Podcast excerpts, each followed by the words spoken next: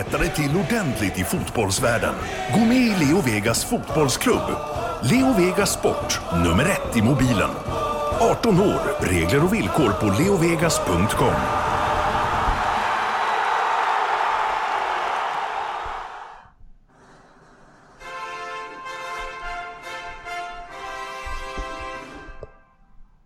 Premier League-podden presenteras av Leo Vegas Sport, nummer ett i mobilen och GoSport Travel, fotbollsresor i världsklass med officiella och trygga matchbiljetter.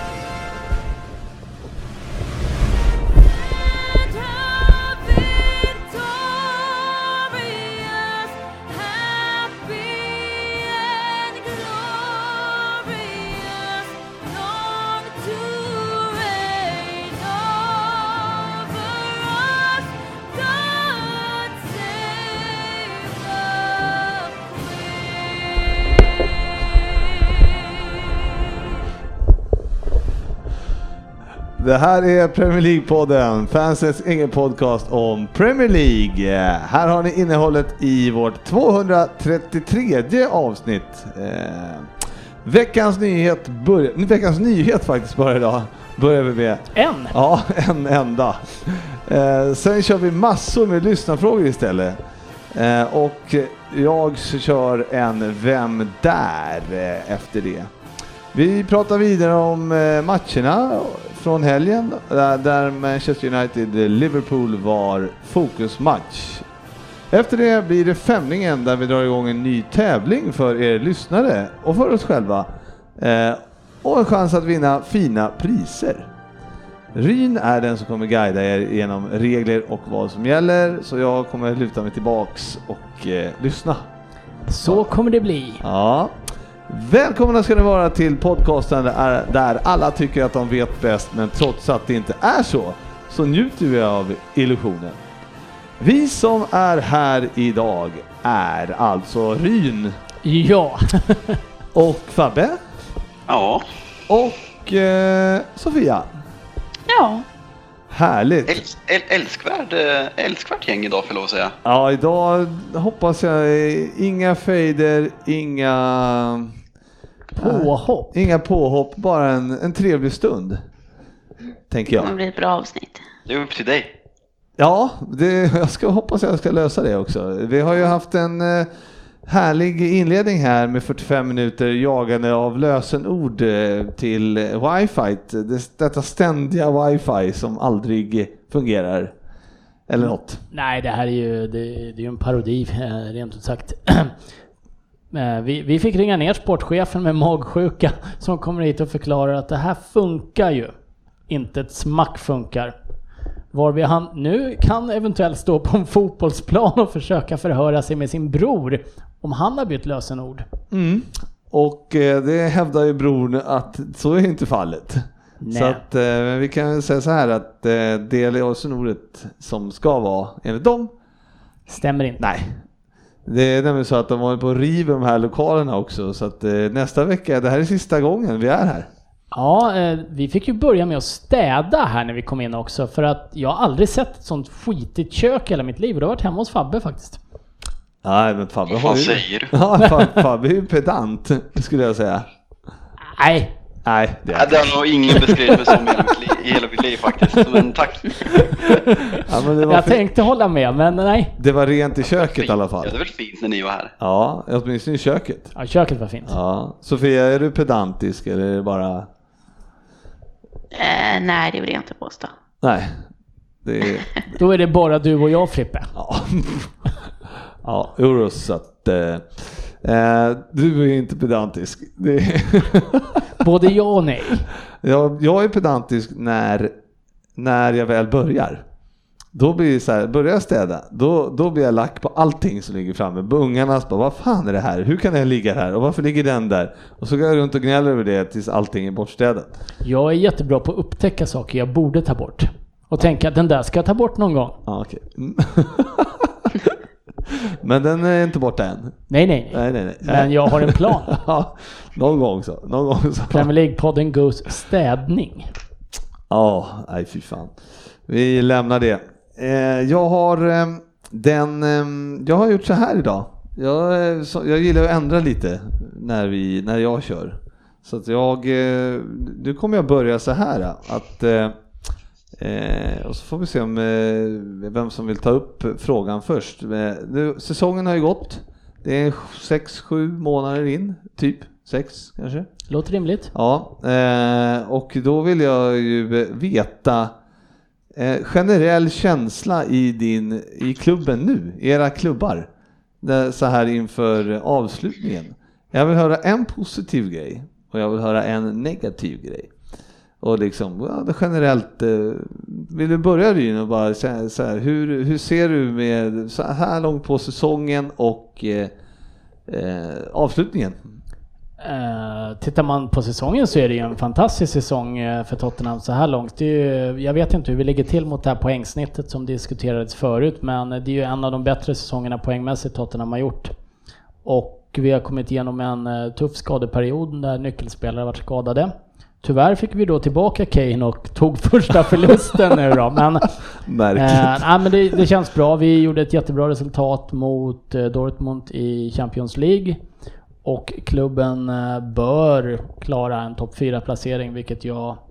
Det är klart man vill vinna, men eh, jag ser hellre att vi kommer topp 4 än att vi skulle ha vunnit eller förlorat på straffar i ligacupfinalen till exempel. Ja, men eh, två... En negativ ja, sak så ja. är det ju det är högerbackspositionen och ett visst hattande tycker jag Pochettino i 3-4-3, 3-5-2, 4-4-2. Jag tycker Tottenham spelar som absolut bäst med en fyrbackslinje.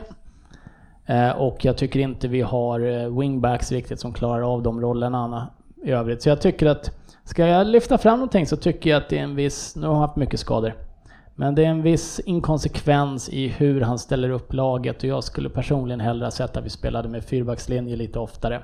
För jag tycker det gör att vi kan fylla på bättre dessutom framåt med fler spelare. Men, eh, nej, men på det stora hela, jag är nöjd. Ja, är det arenan, hur eh, går det med den? Alltså, det blir det, inget den här säsongen nej, alltså, men, Det är klart det är tråkigt. Nu sitter jag i Sverige här och är ju absolut inte berörd. Nej. På samma sätt som en säsongskortsinnehavare på White Hart Lane. Det, det, jag kan ju inte ens föreställa mig liksom hur de har känt sig för att komma till den nya arenan. Ja. Vi såg dem förra året när vi var i London, det var jättekul, men jag bor inte där. För mig Nej. är det inte en stor sak. Men en ganska stor fail från, den här säsongen. Ja, den skulle ju vara klar till eh, tredje eller fjärde omgången var väl planen egentligen. Och nu hörde jag det sista att eh, nu börjar den bli klar men då har de redan fått boka upp sig på Wembley fem matcher till eller något så här och ja, ja. nu var det väl diskussion om de till och med varför... fick byta ens för att det var så sent på säsongen. Nej exakt, det är bara onödigt. Det är ju bättre att ta det till ligapremiären. Nej, fan försena det där bygget lite till så kan Levi plocka in lite viten från byggbolaget som inte blir klara kan, i tid. Kanske ni kan köpa en spelare? Nej. Nej. Sofia? Ja, eh, just nu känns det som hela den här säsongen bara personifierar Chelsea som klubb med väldigt djupa dalar och väldigt höga toppar. Men, När kom de? Vad sa du? När kom de höga topparna? Nej men jag tyckte ändå vi började bra. Vi hängde på City och, och Liverpool i toppen ganska länge. Sofia, Sofia du märkte att eh, det här med påhoppen, de, ja, jag, det gick nej. över. Jag har ju varit ja. sjuk två veckor och liksom bara laddat upp. Jag ber om ursäkt för mitt beteende. Det kommer mera förmodligen. Ja, fortsätt. Nej men eh, det såg ändå väldigt bra ut i inledningen av säsongen och bättre än förväntat. Men år 2019 har ju inte varit det bästa året kanske. Eh, men eh, positivt är väl ändå att vi fortfarande har chans på en, teoretiskt sett chans på en topp top 4 final i ligacupen, vidare i Europa League. Eh, men med den allmänna känslan just nu så är det väl generellt ganska negativt skulle jag väl vilja säga. Mm. Så det känns som vilken match som helst kan gå åt helvete. Ja, ni möts alltså imorgon. Ja. Ja. Det... Vad, vad är negativt? Det kommer, det är roligt om vi kommer med exempel istället för att bara säga att det är dåligt. Nej men det negativa är väl eh, hur Sarris taktik eller brist på taktik det senaste och att det känns som han har tappat eh, truppen och att de inte riktigt tror på hans eh, spelfilosofi. Eh, och att det känns som vi har gått och blivit Arsenal. Ja, det gör ju faktiskt ingen glad alls. Eh, vi förstår dig Sofia och vi lider med dig. Ja. Så hemskt är det inte Sofia, vill vi säga. ja, men det känns så. Ja, ja, det är inte roligt. Nej, det, jag förstår att det är lite, lite sådär. Eh, Fabbe då? Ja, nej men om vi ska börja prata om det, eh, det negativa så, så är det väldigt, väldigt mycket positiv känsla i den röda delen av Manchester just för tillfället. Men om vi pratar på ett kortsiktigt plan så är ju vårt skadehelvete eh, det egentligen enda negativa som, eh, som försiggår i klubben just nu. Att eh, vi kommer ha väldigt svårt att ställa ut ett slagkraftigt lag mot Crystal Palace och förmodligen även mot Southampton i helgen. Så väldigt oroande inför ett väldigt viktigt läge av säsongen är känslan. Så det är väl där jag får säga på negativt, vilket ändå är en ganska bra känsla då det är negativt. Positivt är att tongångarna i klubben och allt som har med klubben att göra, supportrar har genomgått en eh, total renovering de senaste två månaderna och att eh, det är roligt att hålla på Manchester United igen och eh, vi har en tränare som säger rätt saker, som representerar Manchester United på ett, på ett sätt som jag har vuxit upp med att Manchester United är. Och helt enkelt stämningen i klubben och runt om klubben och i staden och allting. Så det är det positiva. Ja, men så eh, känslan är ju ändå att, ja, förutom skadorna då, då så eh, har ni väl, eh, känns det som att ni är, ni är på gång helt enkelt. Ja, det, det känns det verkligen som. Ja, sen har vi då Liverpool. och eh, min, min positiva känsla har ju hela tiden varit, det har ju varit positivt fram till eh, årsskiftet kan man säga. Eh, så för min del, eh, så, alltså det positiva är väl att vi ligger där vi ligger fortfarande. Och vi är kvar fortfarande i Champions League och vi leder ligan. Eh, det är det positiva. Och hösten då förstås. Men det negativa nu det är ju att allt har gått i stå. Hela spelidén är typ, jag vet inte vad, vad den är just nu. Vi har ju tappat allting med i Ja, vi har tappat hela spelet, alla forwards, vi har inga, inga, det märks, rätt som det är så märks bristerna i laget med, eh, vi har inga frisparksskyttar, vi har, och vi har, hela anfallsspelet har gått i stå. Och eh, det såg man ju inte minst i helgen. Och mot Bayern München. Så att eh, det, oron är att eh, vi kan gå ifrån det här i år med ingenting igen. Och det, det, är, eh, det är den generella känslan för mig. Och det är ju lite jobbigt med den attityden som du utmålade här under hösten också. Ja, men man måste ju... jag, jag sa även då att man får ju vara sådär tills det börjar rasa. Förra gången vi låg bra, ledde ligan, då var det i november någonting eh, för några år sedan. Och sen eh, bara... Ni kan, nu vet inte jag om det här är sant, men ni kanske skulle ha gjort som Bayern som tryckte upp en egen t-shirt där det stod serieledare efter halva, halva tiden. Ja, nej, jag vet inte. Det ser inte bra ut eh, alls. Eh, jag har ju sagt det redan sen ja, tidiga matcher i januari att det börjar se dåligt ut. Så det är, men vi har kommit iväg med en del resultat. Men jag tror att vi har Ni har bara vunnit 3 av 9 eller 3 Ja, av 10 2019 exakt. så det är väl ganska tydligt att ni inte är samma lag som innan årsskiftet. Nej, så är det ju. Det är eh, hemskt dåligt. Eh, Samtidigt som det, om det här är Liverpools svacka just nu, eh, som ni kan ta er ut ur, Ja, men det så, var just det. Ja, det behöver ni göra. Men samtidigt så är det, det är oerhört viktigt om man vill vinna en liga som är så här pass jämn som just nu, även om det kanske är City och Liverpool som slåss om det. De som går in de sista åtta matcherna och kan gå dem rent kommer ju förmodligen ta det här. Ja, Det, hade, det har hänt nu, men eh, det hade nog varit likadant ändå. Man tappar poäng förr eller senare. Ni hade kanske lite eh, väl positiv Ja, poängskörd under hösten också.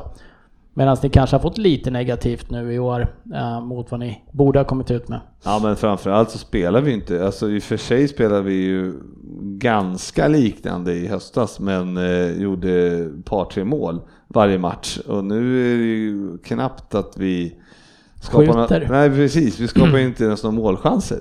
Och det är där det stora problemet är. Att vi har en, knappt en målchans mot United, knappt en målchans mot Bayern München. Eh, I och för sig inga dåliga lag heller. Så att, eh, men, men ändå. Och imorgon möter vi Watford som är i form och sen är det Everton. Som inte är i form. Nej, men det är ändå derby. Och sen är det Burnley av alla lag. Sjukt bra just nu. Riktigt, riktigt starka. Riktigt bra. Ja, alltså, rätt som det är i alla matcher, jättesvåra. Tom Heaton är ett monster. Det är så. Fråga United. Mm, det är så. Ja, eh, det var lite kort om eh, våra klubbar. Eh, vi går vidare. Veckans nyheter. Jajamän, och eh, idag var det, hade jag så många veckans nyheter och sen läste jag eh, lyssnarfrågorna. Och då handlar ju alla de lyssnarfrågorna om Veckans nyheter. Ja, så därför kände jag att eh, ja, då flyttar jag ner den, de punkterna till lyssnarfrågorna så kör vi dem. Det, så det enda vi ska prata om i, i veckans nyheter eh, det är att vi ska prata om ligacupfinalen lite grann. Eh, och, eh, eller Sofia kanske kan nämna någonting om eh, bara hur, eh, hur matchen var överlag. Överlag så tycker jag det var en ganska så eh, bra match. Jag tycker speciellt Chelsea gör en väldigt bra match. Eh, för första gången så känns det som Sarri är lite flexibel och tar till sig lite av den kritiken som har kommit sedan tidigare. Och han eh, ställer upp med Hazard som falsk nia igen, samma som han gjorde mot City på Stamford Bridge. Eh, vilket fungerar bra. Chelsea är väldigt... känns som de verkligen inte vill släppa till någonting i första halvlek. Eh, men de håller ändå City ganska väl. City får inte in de här bollarna bakom backlinjen som de gjorde så bra i den 6-0 förlusten. Eh, utan försvarsspelet sitter och sen under andra mm. halvlek så tycker jag ändå Chelsea får till några bra kontringar och kunde eh, gjort mål.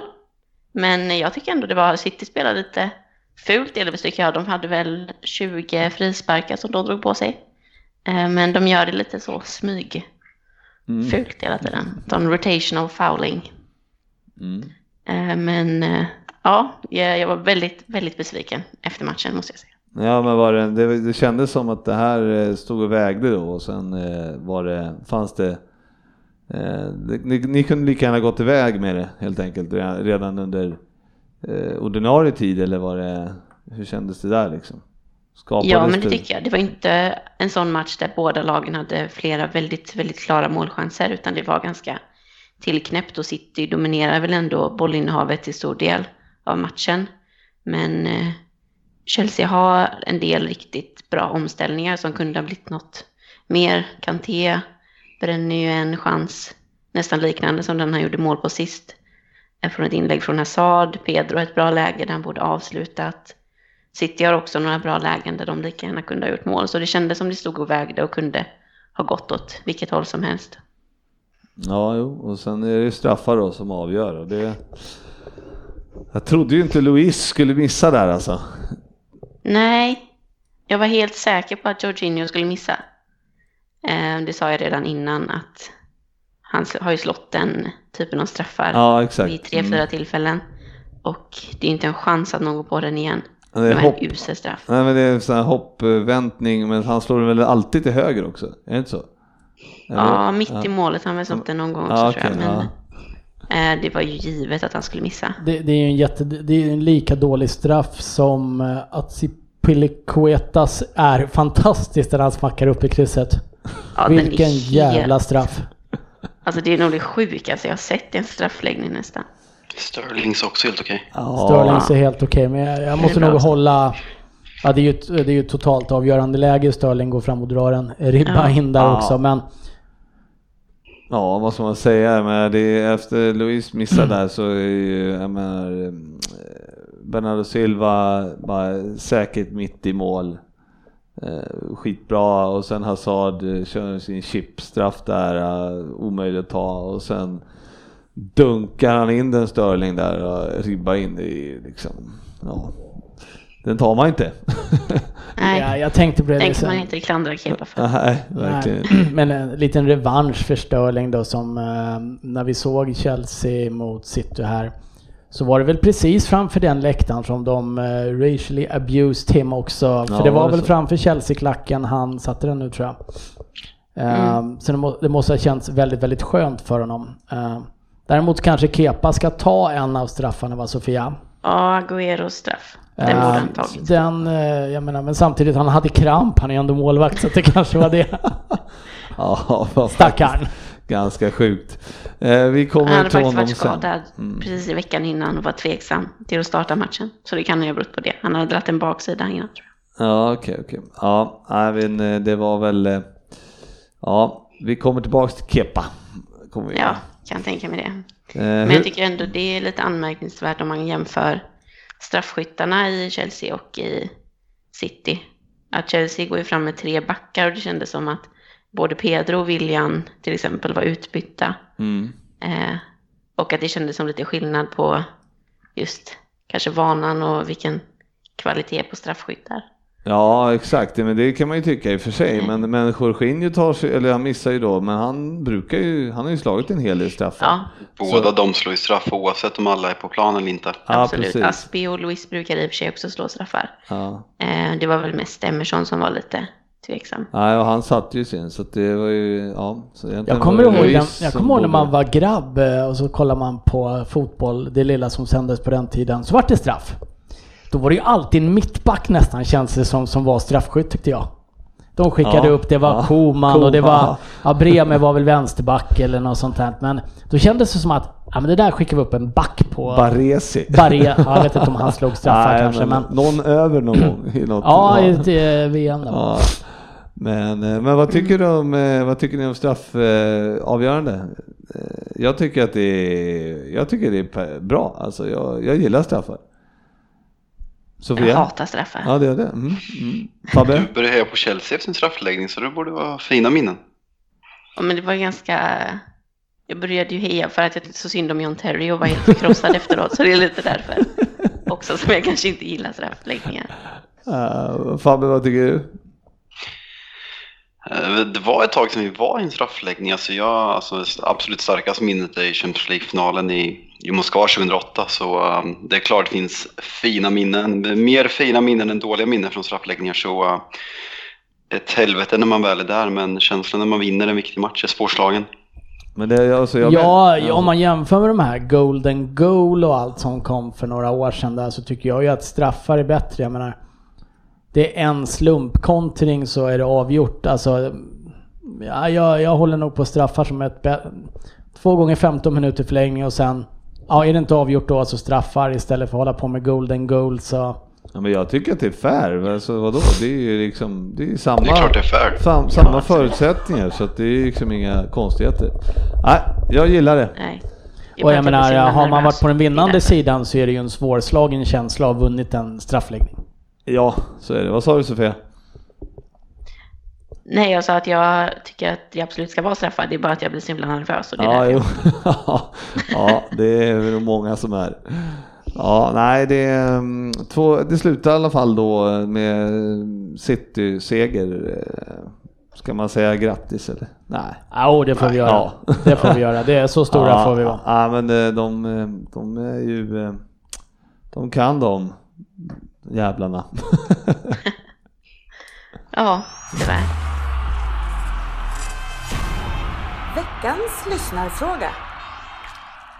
Jajamän, och eh, här har vi en hel... eh, Här har vi tid att lägga kan jag säga. Eh, Tack för alla för lyssnarfrågor som vanligt. Eh, det var... Det handlar mycket om... Mycket och mycket. Så att vi kör igång. Andreas Albacka börjar här och hade en fråga lite grann om just City då. Då kan vi avhandla dem direkt då, så att vi har gjort det. Eh, Fernandinho och eh, Laporte borta nu då i eh, båda skadade och Fernandinho när senast han var borta så torskade de ju två raka.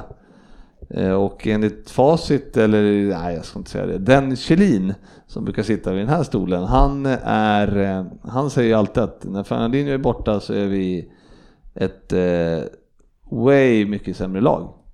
Ryn? Uh, jag tror att Laporte just nu är ett större avbräck om han är skadad en längre tid. Jag vet faktiskt inte hur allvarligt det är med honom. Uh, men om man jämför med höstas när Fabinho var borta några matcher så hade de en Kevin De Bruyne som inte var i det minsta slag överhuvudtaget som verkar komma tillbaka. Jag tror nog att med De Bruyne, jag kan inte säga De Bruyne som Jihde, jag vägrar. Han heter De Bruyne för mig ja. om det är någon som vill gnälla sen. uh, jag tror att, eh, jag menar, få in honom, det är ett så pass starkt offensivt lag med ett hyggligt spelschema att de ska kunna överleva utan Fabinho. Jag tror Gundogan till exempel skulle kunna ta den rollen. Däremot så tycker jag inte att Otamendi är en, en mittback kanske som är i samma klass som Laporte. Eller kan ersätta honom på samma sätt. Så jag tror att Laporte är värre. Men jag tror inte det kommer bekymra City. Tyvärr. Någon som tror något annat? Vadå tyvärr? Jag ser fortfarande att jag hänger på ligatiteln Fabbe. Liverpool här jag räknat bort. Bara... Ja, jag tror att det är ett jättestort avbräck. Eh, Fernandinho är fruktansvärt viktig för City och eh, det har de visat tidigare. Eh, Stones har varit borta några matcher och också ett stort avbräck att bli av med Laporte. Så jag tror att de eventuellt kan tappa något på det där. Dock kommer det ett fruktansvärt bra läge för dem då de har ett bra schema så det, det ska bli intressant att se. Men eh, ja, det de sätts på prov på riktigt nu. 120 minuter i ryggen de flesta viktiga spelarna nu i helgen och sen West Ham och sen har de helgmatch också. Så tufft schema för City. I, eh, tufft som är att det är regelbundet och med få spelare men eh, lätt som är att de möter ganska lätta lag. Så det blir kul att se. Mm, men också kanske kombinationer med båda de två. Eh, det blir ett väldigt stort avbräck på mitten där med både mittback och den defensiva mittfältaren borta. Mm. Tror jag kan ändå påverka dem en del. Ja, jag tror också alltså jag tror att Fernandinho är värre alltså, för att han eh, gör så jävla mycket för dem på mitten så att jag, jag håller inte riktigt med Ryn där, men jag tror att... Eh... Det var ju ovanligt. ja, men jag känner att La, det, ja, Laporte har varit jävligt bra, det är inget, men jag tror att Fernandinho är den länken där som de verkligen behöver. Eh, men det, de kan ju gå rent ändå så det är liksom ja, det får vi se. Det, det, ja, det, det, det är helt riktigt. Det mm. lär vi märka. Filip. Ja, det lär vi göra. eh, vi lämnar dem och så går vi till Didrik Nilsson då som undrar lite grann över eh, Leicester här då. då som eh, sparkade tränaren. Brendan Rodgers ja, klar. Han är klar mm. till och med. Enligt Fabbe, klar nu va? Eller? Ja, jag har en bra källa så han är klar. Ja, precis innan nu. Det är klart. Mm. Ja, men det är så. Vad händer nu? Ska man, då, han undrade ju egentligen Didrik om man skulle byta ut sina Leicester-spelare från fantasy. Och, man ska ta in dem. Ja, nu, nu kommer det in en offensiv eh, coach här. Så att, eh, ja dock det som är intressant att ta hänsyn till. I, i, om vi ska prata fantasy, jag är nörd i år så är det ju bra för de spelar ju vecka 31 när de andra lagen, många inte spelar. Så Madison, Wardy och Pereira, eh, intressanta namn. Eh, men om vi ska prata på ett större perspektiv så min känsla av Leicester är att den här truppen är väldigt kontrings... Eh, de är bra på kontra, de har väldigt många spelare som gynnas av att spela en kontringsfotboll och tränaren nu, heter han Puel, som fick sparken, har spelat, försökt spela en ganska possession-inriktad fotboll och mm. fått med sig väldigt dåliga resultat och min erfarenhet av Brennan Rodgers är att det är en ganska liknande tränare som gillar att ha bollen och bygga laget från, från, från backen och liksom spela med hög press som han gjorde i Liverpool. Så försiktigt skeptisk till valet med den här truppen men samtidigt ett, eh, ett bra namn som har bevisat att han kan prestera i engelsk fotboll så det ska bli intressant att se men lite skeptisk över hur hans spelstil passar den här truppen. Det blir ju annorlunda också eftersom, eller ja, han kom ju, han var ju i sig i Liverpool och sen, vad var han sen? Var Celtic va? Ja, men, nej, men, han var i Swansea va? Swansea, ja precis. Men eh, han kom ju från lag som har mycket, haft mycket possession då. Men å andra sidan så var det ju, eh, alltså när han var i Liverpool och vi var som bäst med honom så var det ju eh, kontringarna som vi var starka på också. Så att eh, det var inte bara possession där. Eh, det inte, ser inte alls ut på samma sätt nu som det gjorde på hans tid. Då var det mycket Sterling, Suarez och... Men Leicester känns ju som även ett lag under Puel här som har eh, faktiskt presterat bättre än vad de har fått utdelning för i många matcher också tycker jag. De, de har en del spelare i Madison och ja, även Wardy. De hade han som jag gillar, Harvey Wallbanger tänkte jag Dent. säga. Eh, nej, Vet vem det är? Ja, på mitten. Han? Jag kommer vä- inte ihåg vad han heter. Vänsterytten, Harvey... Harvey någonting. Harvey Dent, vet du vem det är? Nej. Det är eh, han. Ju Bat Ja, Two-Face. ja Two-Face i Batman. hade, inte, hade jag inte tagit här. Men eh, eh, om vi återgår till Leicester eh, så känns det ju ändå som att det, det finns ganska mycket Harvey fotboll. Barnes. är det Chilwell du menar kanske? Nej, Harvey Barnes hörde jag Okej, Fabbe sa okej. Mm. efternamnet på här. Eh, Chilwell är duktig också. De har Maguire. Alltså de har spelare som är duktiga. Jag tycker inte... Däremot så kanske de inte är fullt anpassade för liran possession-fotboll, men samtidigt så har de fått med sig kanske mindre än vad de borde ha fått ut också i vissa matcher. Riktigt svårspelade enligt vissa här inne. Mm, men det var, det var ju tidigt i januari när vi mötte dem. det var liksom innan vi hade börjat dippa ordentligt. eh, Men, eh, Ungefär samtidigt som Wolves var riktigt, riktigt ja, bra. men det är de fortfarande å andra sidan. Bäst. Det har varit omsprungna av Watford i veckan, så ja. Ja, men det var ju fan otur. Nej, men det det, nu ska vi inte prata om det. Eh, ja, nej, men eh, det ska bli kul att se mm, Leicester. Jag tycker det är ett roligt namn där med Rodgers tillbaks då. Får vi se hur de, eh, de har ju spelarna som sagt. Så det, eh, var det kan nog vara bra att ha inne, tror du inte det Fabbe? Eller, jag var nära på att byta Rashford mot honom idag, men jag, eh, jag gjorde inte det. Nej, okej, får vi se om det lönar sig eller inte. Hoppas jag inte. Eh, Fredrik Lindberg undrar då, Sofia här, han undrar lite grann om, om vi har några tankar eh, kring topp 6 här och framtiden, utvecklingen tre, fyra år framåt här, om han tror att, om vi, om vi tror att det kommer bli, vad, se ut som idag eller om det kommer ske några förändringar eller om någon kan komma in och försöka slå sig in eller någonting. Ser du någon framtid? Jag tror ändå det är ganska eh, cementerat det som är nu. Det känns som det är ett ganska stort hack ner till resterande. Men ett lag som Wolf, eh, Wolverhampton är absolut intressant. Eh, de har ju den Mendes-kopplingen och det där, men jag tror ändå att det är för stort steg på bara ett par år. Utan att det är de här klubbarna som i stora drag är där uppe. Även om någon kanske kan utmana någon säsong så tror jag inte att det är över tid utan det är för stor skillnad både i resurser och i, i eh, kvalitet på trupper och så. Ja. Ryn, har du någon känsla? Ja, det kommer bli svårt för eh, någon annan klubb att slå sig in på kort sikt i topp 6 tror jag. En klubb som man eh, hade högre förväntningar på inför året var ju Everton som har gjort en rejäl satsning och ändå började ganska bra har jag för mig. Eh, Men eh, har tappat det mesta sedan dess och är väl kanske ett av Premier Leagues ojämnaste lag med riktigt höga toppar men extremt låga bottnar. Ett lag som jag själv tror, alltså de har ju ägaren emot sig. Vad heter han? Ashley Williams, eller vad heter han i Newcastle där? Mike Ashley. Mike Ashley heter han. Ashley Williams Det- är det- någon helt annan. Vet du vad han är med i? Nej! han är ju Batman 5. Ja. Nej. Eh, Men det är ju en klubb som eh, har både tradition och har varit en stor klubb och har åtminstone ambitioner bland fansen att vara en stor klubb. Så eh, det finns nog ett par, tre som kan aspirera på det och sticka upp däremellan. Och ja, men West Ham om de får lite ordning på sig själva. Men det är svårt att etablera sig i topp 6 just nu tror jag. Ja, det tror jag med, men eh, absolut. Eh, alltså, Newcastle har ju, nu har spenderade han ju ett par hundra miller på... eh, Almiron. Ja, precis. Så han såg ju... Jättefin förra matchen Ja, verkligen bra var eh, Så det var ju kul att se.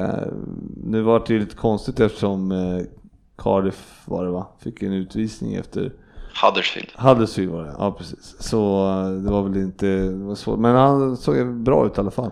Ja, sen kan man ju inte dra några som helst växlar av en match mot uh, Huddersfield. Nej, så är det Men han såg pigg ut. Eh, och, men West Ham tycker jag också har ju en ganska intressant trupp alltså, måste jag säga. De, de har många bra spelare men, men kan, ja, nå upp till topp 6. Men alltså West Ham ska ju vara sjua ish med sin trupp. 7 till 8, 9 där någonstans. Men, eh, och de har ju stor stadion och mycket folk och det har ju, som, det har ju Newcastle också. Men, men då, jag förväntar mig att eh, Newcastle bör kunna etablera sig mer. Ja, men om man tittar på, alltså om vi ser lite mer historiskt tillbaka på det här så är det ju så att det har inte varit en topp 6 tidigare heller utan Nej. det har ju varit i många, många år en topp 5 egentligen. Och det är Tottenham som har etablerat sig uppe i toppen nu de senaste åren. Men... Topp 4 också innan City, ju bara varit där ja. i en åttaårsperiod. Ja, så, ja, så att, för inte så länge sedan var det bara topp 4. Ja, precis. Så att det, det, visar också hur svårt det är för en klubb att etablera sig uppe på den nivån. Och eh, det krävs mer än ett par bra värvningar. För är det så att West Ham får tag på något riktigt, riktigt vasst. Ja, men han kommer vara i City eller United. Eller så har det varit traditionellt sett tidigare. Efter ett par år. Uh, vi såg Leicester som går och vinner Premier League. Mm. Uh, nu ligger de 10, 11, 12 någonstans. 11. Uh, det är extremt svårt att etablera sig på den nivån under en längre period. Ja, nej så är det, det Men det, det kommer att se, det har ju sett ut ganska likt i Ja, de senaste fem åren. Ja, 30 år nästan. Och 30 år, ja. men liksom Chelsea och City och Tottenham har väl kommit upp så att säga under de här äh, tiden vi har levt, ungefär så. Men det har ju krävts stora, stora pengar så att eh, det ska vara om någon eh, får någon sån här mega ägare igen och det tillåts att värva som City gjorde, eller Chelsea gjorde på den tiden. Och det är ju tveksamt om det, om det är okej okay längre. Så att, eh, ja, vi får se. Eh, vi har Kristoffer Ranset här. Han undrar lite grann, eh, eller han, han ville bara ha en kommentar om Pochettino där som var märkbart irriterad kan man säga efter eh, efter matchen och det verkar som att det om de har bråkat där han och domaren för domaren vart ju avstängd. Han fick ju inte vara fjärdedomare imorgon som han skulle ha varit. Eh, de har väl bara bytt så han får inte vara i den matchen? Ja, i den matchen, precis. Ja, han, han, fick byta match, helt riktigt. Jaha, var det så? Uh, okay. mm. Men uh, Pochettino går ju fram och pratar med honom och man ser ju att är, han är ju inte överlycklig över Mike Dean, men det var väl länge sedan någon egentligen överhuvudtaget var överlycklig över Mike Dean oavsett vilket lag man Nej, tillhör. Men sen är de ju på väg därifrån. Mm. Och så helt plötsligt så tvärvänder ju Pochettino och han eh, Jesus Perez då, eh, assisterande tränare, det är ju nästan han som är argast. Han är ju, han är ju i min längd, 1,33 eller något sånt här. Och han hytter med fingret och de ropar till honom att Dare to say that into the camera eller något så här och ryktesvägen, jag vet inte hur sant det är, jag läste på lite Twitterkonto men det kan inte vara sant. Så ska ju Mike Dean ha sagt Goodbye Premiership title eller något sånt där. Men jag, jag, kan inte tänka mig att han har sagt det, men eh, Pochettino är arg och jag tycker inte... Ah, han hade ingen direkt anledning att vara så arg tycker jag. Det var väl frustration och det har han väl sagt här efter också. Men nu blev han ju... Han fick väl en slant i böter säkert? Ja, det är inte klart än, men Nej. det blir väl förmodligen böter. Jag tycker inte att det är värt en avstängning eh, från linjen, men... Eh, Nej, men jag tycker inte, det, eller det kan inte vara för jag menar, alltså Klopp har gjort en hel del saker liksom sådär och, och det blir ju alltid... Mourinho har blivit avstängd på att sparka på flaskor så, men det, ja, det jo, ja, men det är ju Mourinho, men jag tror att Pochettino och de här, liksom de andra tränarna, de har inte riktigt, eh, de blir ju sällan avstängda. Så att, och han har ju inte varit inblandad i någonting. Nej, han brukar ju vara väldigt lugn. Han ja. brukar framförallt inte skylla på domarna eh, så, men nu var han riktigt arg och just det där med att de vänder tillbaka. Ja, så ja, någonting måste, måste jag ha ja. sagts eller gjort, men... Eh, För jag samt... tycker att själva situationen, alltså de snackar om att han skulle gnällt om att det var den där hörnan. Det låter ju jättekonstigt. Det, jag menar, det, först och främst var det skitsvårt att se. Och sen en hörna är en hörna, är, man ska inte släppa in på hörnan efter ja, det, den det, det, är det, är liksom, eh, det, det, låter som en petitess i eh, hela... det, är klart det var säkerligen frustration på att de ja, tappade poäng ja, och han, jag Mike Dean är ju sällan en fantastisk Nej. domare generellt. men jag, jag, vet inte om jag tycker att Tottenham var förfördelad av honom på något Nej, sätt Nej jag tycker inte han gjorde en um, jättedålig match heller, Mike Dean. Men alltså, Tottenham gjorde väl ingen kanonmatch. Nej det kan vi vara överens om. Det, det var ju väl mer det som man borde vara sur på. Ja, ja men eh, någonting, någonting säger de till varandra som får, ja. får de här två herrarna att eh, gå bananas. Eh, så det blir säkerligen ett bötesbelopp på det där. Ja, ja. Och det kan han väl ha, det sa han väl också själv ja. i någon intervju här att Så där får jag inte brusa upp. Nej. Jag kan inte hitta orsaker utanför laget varför vi spelar dåligt. Jag måste vända mig inåt. Ja. Så ah, det där kan han, han har råd att betala lite böter. Ja, nej men det, så är det väl att han... eh, De, är ju en liten pudel och då brukar det ju aldrig bli, det blir ingenting efter det. Brukar det inte bli. Eh, nu ska vi se, Mattias Arvid Arvidsson och Robin, Ro- Robin, Robin Kenstam. Eh, de har ju då, nu blir det du Sofia. Håll i hatten här nu. Eh, Kepa. Arzgbalgbiga, eller vad han heter. Ja, det uttalas så. Arizabalaga. Ja, just det. Så, eh, ja, han... Eh, vad hände egentligen nu då under... Ja, eller vad, vad ska man säga om hans beteende? Alltså han blir alltså utbytt eh, enligt... Eller han ska bli utbytt.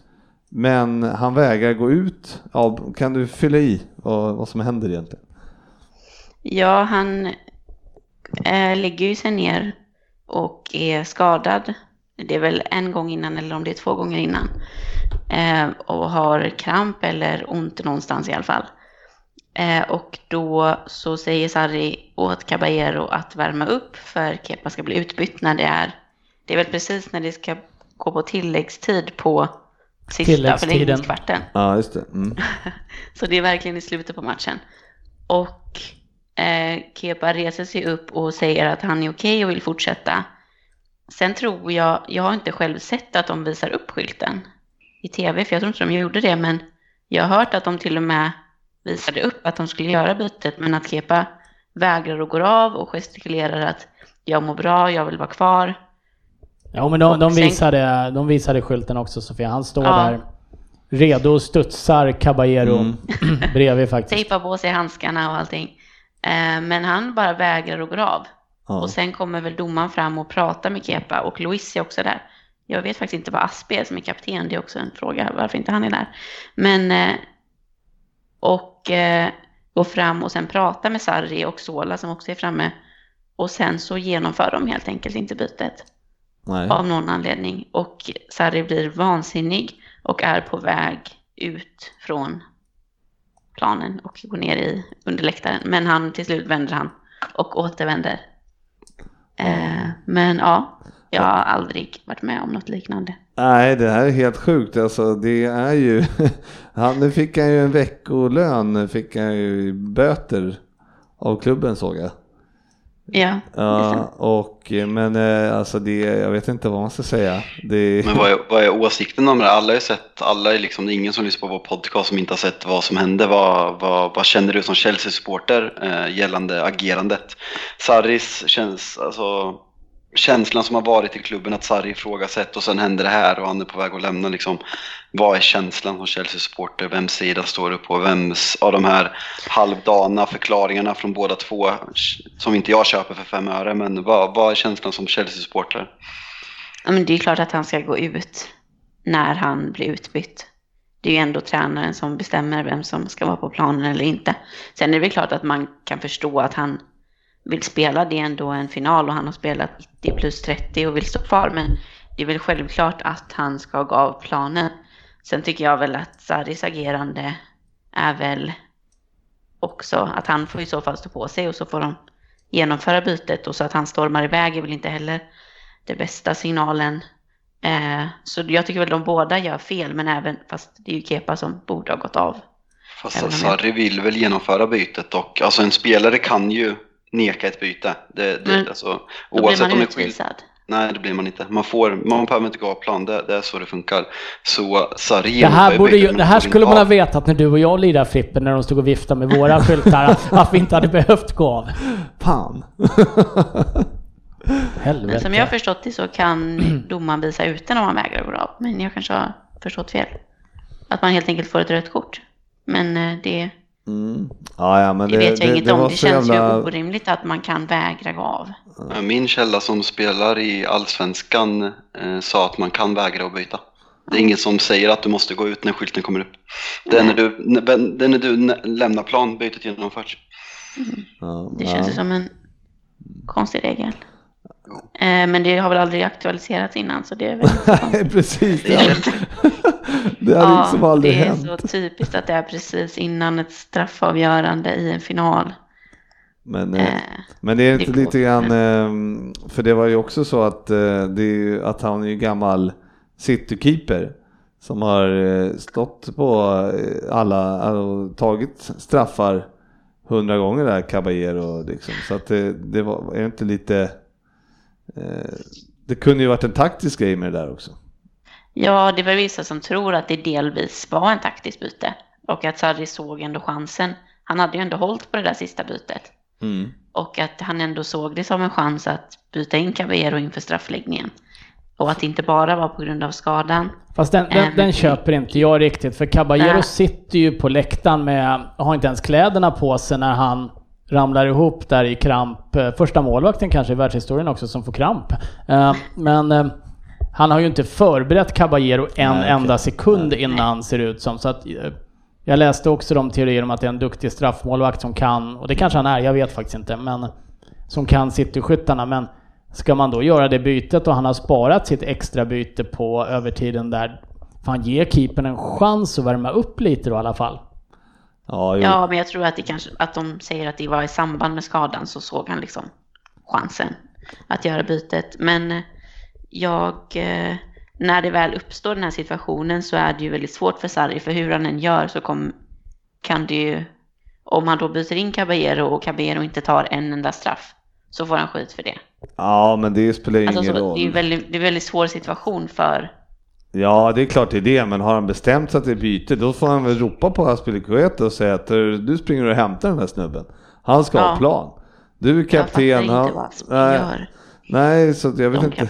Nej, men det var ju väldigt förvirrat så han kanske inte heller fattar. Men han får väl ropa till sig som är lagkapten och säga att du, vi ska göra det här bytet. Och eh, ja, vare sig han vill eller inte. Spring och hämta han liksom. Ta med Och sen dig... står ju Luis där också och Ja. pratar med honom på något sätt, men han Nej, gör ju inte heller någon ansats för att ta ut honom därifrån. Men eh, det, det är ju väldigt märkligt för sen blir det ju då straffläggningen och bytet har inte genomförts men Sarri är ju fortfarande, det ser ut som han är beredd att gå fram och klappa till Arrizabalaga så eller Kepa här. För han är ju han är ju hysterisk där och jag, jag, kan, jag kan tycka att det är ett jävla skitbeteende av Kepa att blir du utbytt så blir du utbytt. Du är en lagspelare, det här är en lagsport, det bara att gå av. Du får hur besviken som helst. Vi har sett forwards sparka sönder vattenflaskor och kasta grejer och vara förbannade. Folk, spelare på den här nivån blir sura när de blir utbytta, Ja. men de accepterar att bli utbytta. Däremot att inte gå av då, låta Caballero värma upp och stå där och ska bli inbytt och sen vägra. Jag menar, vad sänder det för signaler in i truppen mellan spelarna egentligen? Ja, absolut. Eh, Det är ju signal både att man inte respekterar tränaren, men också alltså mot Caballero. Eh, mellan målvakterna tycker jag inte heller. Det är ett schysst beteende och även till truppen, men eh, ja, det är klart han skulle gått av. Sen så är det ju Sarri som viker ner sig. Han bestämt sig för att byta så är det bara att byta. Alltså, han, Ja, kan inte, han kan inte ändra sig. Och sen dessutom bli så sur som ett litet barn så att han ska springa ut från arenan. Så här, Det sänder ju också en... så här, Det är så märkligt hela den där. Man kan väl summera det som att det här kan det vara, förmodligen vara eh, säsongens eh, konstigaste händelse. I, konstigaste icke-byte. Ja, helt otroligt eh, faktiskt. Eh, Ja. Mattias Bär Holmberg, han eh, undrar ju också över, för att det har hänt så här då att Chelsea förra veckan fick eh, straff av Fifa va? Att, för sina dåliga, eller ja, att de har värvat fel då. Och eh, nu eh, har de transferförbud eh, om inte det går via cast då, och de säger att det är, det är överklagat förstås. Eh, Men ja, hur känns det liksom? Om det inte blir några transfers sommaren, vintern? Vad... Du behöver inte vara orolig Sofia, det löser sig. Skönt att veta. Nej, men det var väl ändå lite väntat, utan det har ändå varit på gång ett tag. Och många Chelsea-kretsar har pratat om det. Och att Fifa har gjort, det har ju varit en väldigt lång utredning och de är ju, det är väl över 90 olika spelare Ja, precis. de har granskat. Eh, och det är väl runt 30 som de har haft synpunkter på. Eh, Det är väl huruvida de har blivit värvade eller om de har varit på provspel innan de har fyllt 18 år. Så det är ändå en viss tolkningsfråga där Chelsea hävdar att de bara har provspelat och Fifa hävdar att de har blivit värvade. Mm. Men eh, jag, har väldigt, jag tror inte att det kommer vara transferförbud eh, på sommaren. Jag är ganska Nej, men övertygad skit i det nu. Nu ponerar vi att det är så. Nu säger vi att det, det är så. Det kommer bli transferförbud i sommar och, det, och i vintern. Hur, hur hanterar Chelsea det med Sarri? Hur, hur, hur hanterar man eh, Hazard? Det, I så fall så tror jag ju att de såklart kommer att låta både Hazard och till exempel Hudson Odoi som också har utgående kontrakt att spela ut kontraktet. Mm. Jag har väldigt svårt att se att de skulle släppa Hazard när de inte kan få in en ersättare. Har man råd med det? Alltså det, är, ändå en miljard för Hazard kontra och få noll kronor för honom året efter och ni kommer ändå inte vinna ligan nästa år. Är det, är det värt en miljard för att komma fyra, femma eller sexa? Som jag tror inte ni kan komma högre med den truppen ni har idag. Är det, är det värt en miljard? Om Hazard inte vill skriva på nytt kontrakt. Eh, jag vet inte, det är svårt. Men jag tror att det i så fall är så det kommer bli. Eh, jag tycker väl att vill Hazard eh, inte spela i Chelsea så ska han inte spela i Chelsea. Eh, jag vill inte ha en spelare som inte vill vara i klubben. Men det är väldigt svårt med hur de ska göra med Sarri.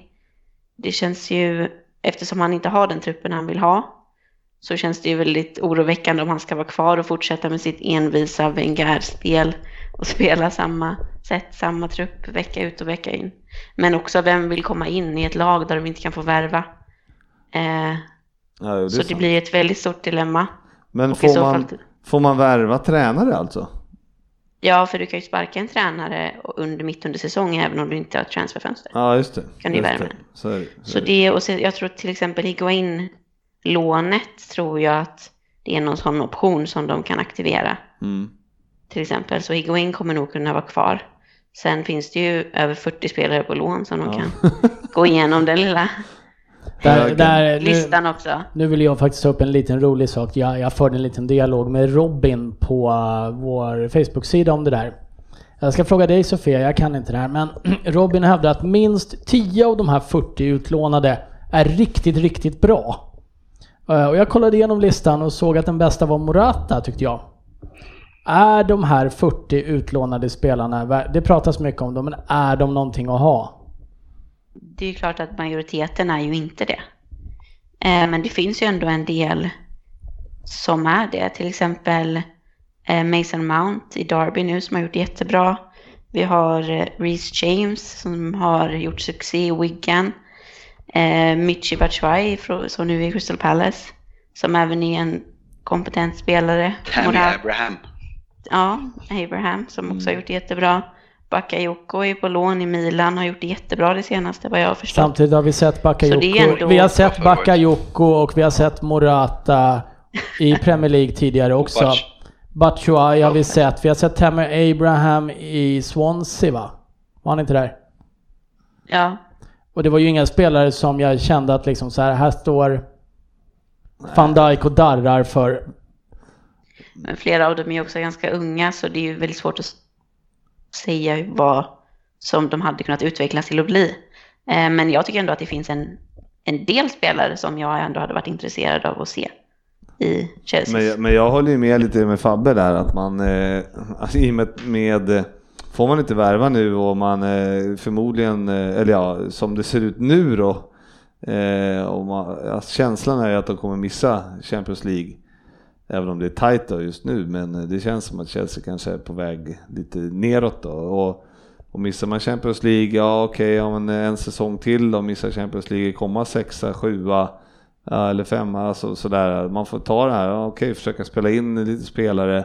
Ja, jag tycker väl att, eh, ja, då kan man ju lika gärna, om man ändå ska ha den inriktningen, komma femma, sexa, kan man ju lika gärna sälja till exempel Hazard och ja, bli av med dem och starta nytt på något sätt. Eller? Ja, absolut. Det är ju flera som hävdar, det kommer ju alltid den här play the youth-debatten har ju eh, är väldigt frekvent förekommande. Till exempel nu när det går dåligt för Sarri och när det går dåligt för Conte. Men i så fall får man ju verkligen ta det som och bara prova det. Ja. Är kända för att spela ungdomar. ja. Nej. Nej, men Det har jag aldrig påstått. det, det kan ju vara ett ypperligt tillfälle att kanske ändra lite för att det känns ju som att eh, det kanske behövs ändras lite. Absolut. Men som sagt, jag tror inte att det blir denna sommaren.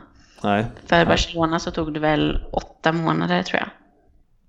Eh, okej. Från beslutet till att överklagandet var klart. Ja, ja. Och att man skjuta upp det. Så jag är ganska säker på att det inte blir sommaren. Men man vet aldrig. Ja, nej, men då handlar det väl att se hur mycket pengar han får, Sarri, och eh, om han är kvar och eh, hur mycket han kan få investera i. Ja. För då blir det ju två fönster efter det som han inte får köpa något. Så att eh, det gäller att lätta på plånboken, eller hur? Hallå? Då osäkerhet med. Abramovic. Hallå? Ja, ja, jag hör det. Jag hör det. Jag sa just med klubben och Abramovic som antagligen det ryktas om att han vill sälja också. Och frågan är då hur mycket pengar han vill skjuta in. Ja, just det. Det, det också. Och arenabygget som inte blir av och ja, det är många frågetecken just nu känner jag. Ja, vi lämnar Chelsea. Björn Appelgren då Fabbe, vi undrar ju då om Uniteds skadeläge här mot kommande motstånd. Eh, Crystal Palace imorgon, Southampton eh, helgen, sen är det PSG och sen är det Arsenal. Nästa fyra. Eh, vad, känns det tufft? Känns det? Tufft, så här. Ja, nej det försvann. Eh, ja, det är klart det känns tufft. Eh, laget vi kommer kunna ställa ut nu är väldigt, eh, väldigt försvagat och egentligen våra, om Rashford är borta så våra sex ordinarie offensiva spelare inte tillgängliga matchen mot Crystal Palace, vilket, inte, vilket till och med City skulle slita med att få ihop ett slagkraftigt lag med de skadorna. Men eh, jag vet att Björn skrev något hur man skulle, jag skulle få, få, hur man skulle, vad man kan förvänta sig. Och eh, att de här matcherna, Pallas och Southampton, är väl ändå två matcher som skulle kunna gå att få, få med sig resultat. Sen har vi en extremt viktig match mot Arsenal efter det i ligan. Och mellan där PSG. Ser skadeläget ut så här inför PSG och Arsenal kan jag förstå om man eh, vilar några spelare mot PSG borta. För vi kommer inte vända ett 2-0 underläge med den sargade truppen vi har. Vi har inte gjort det annars heller, men ännu mindre med det skadeläget vi har. För om du kollar på schemana som de tre lagen som slåss som topp 4 har, United, Chelsea och Arsenal, så har Arsenal och United de klart lättaste schemana och Arsenal kanske har ännu lättare. Chelsea har lite sämre. Så matchen mot Arsenal känns som att den kommer vara väldigt avgörande i kampen om fjärdeplatsen. Så jag ser hellre att de prioriterar den än att de prioriterar PSG om vi pratar skadeläget och vila spelare. Så det, det är spontan känsla innan, innan det här. Ja, jo, för att ni, ni får inte åka på något mer nu och Crystal Palace är det borta imorgon va, eller? Ja, stämmer. Det de är ju på gång uppåt alltså, det är ingen lätt match. Det inte? Ja, riktigt svårspelade och riktigt, Mm. riktigt bra. Ja, vet. du hör ju på mig, jag är ju rädd för alla lag just nu. Så. nej, det är en tuff match, det är det faktiskt. Eh, Ja, nej, men intressant, eh, intressant läge. Jag tycker det ska bli kul att se ta den taktiska approachen till de här matcherna. För jag tycker att Solskär har... Folk pratar om att, att United bara går på ångorna av att man, är, att man är glad och han har fått en glädje i truppen. Men jag tycker att hur Solskär har tagit an sig an framförallt borta matcherna mot Chelsea, Arsenal och Tottenham och även den här hemmamatchen mot Liverpool så har han varit... eh, Alltså jag tycker att det är taktisk perfektionism i genomförda matcher. Och, eh, så det ska bli väldigt intressant att se om man kan ta med sig det här nu när vi sätts verkligen på prov och har spelare bort om man kan ändra om det och vara spelförande som vi mot Liverpool har vi inte kvaliteten att vara där med de avbräcken vi har men mot Pallas och Southampton ska vi kunna vara där och det blir intressant att se hur han, hur han ställer upp laget och han får de här om man kan få Pereira att leverera, om Fred kommer få chansen, om... Det ska bli kul att se helt enkelt. Mm. Intressant. för backlinjen är väl samma, det är väl ingen skada där mot... Nej, det, det är ju Valencia som är borta men det är Ja. inget större avbräck. Fick Jones var sjuk men han kommer ändå inte spela så det är ju... Backlinjen ser bra ut. Sen är det ju att... eh, Drogba Sen är det inte, den är ju inte mycket mer. Off rent offensivt så är det ju Sanchez och Lukaku som är friska. Sen är det ju i stort sett centrala mittfältare som vi har att mm. eh, tillhandagå. Så nej, det blir eh, start, eh, tre juniorer med i, i matchtruppen som åker till London idag i alla fall. Så det ska bli kul att se om, om någon kanske får spel till och med. Ja, Fred där har inte legat på länge alltså, så att, det skulle vara intressant om han kunde få chansen igen eller? Ja, han måste vara precis värdelös på träningar eftersom han inte får chansen. Vi sätter in Pereira och McTominay mot Liverpool innan han sitter kvar på kvisten. Liksom det, det är något som inte står rätt till. Och ja, kanske, som det ser ut just nu, konkurrera om sämsta värvningen i Uniteds historia. Med tanke på prislappen. Vilka konkurrerar han med? Ja, det är väl typ Bebbe, eh, Veron, Falcao, Di Maria, eh, sådana namn. Klebersson. Erik Jemba Jemba.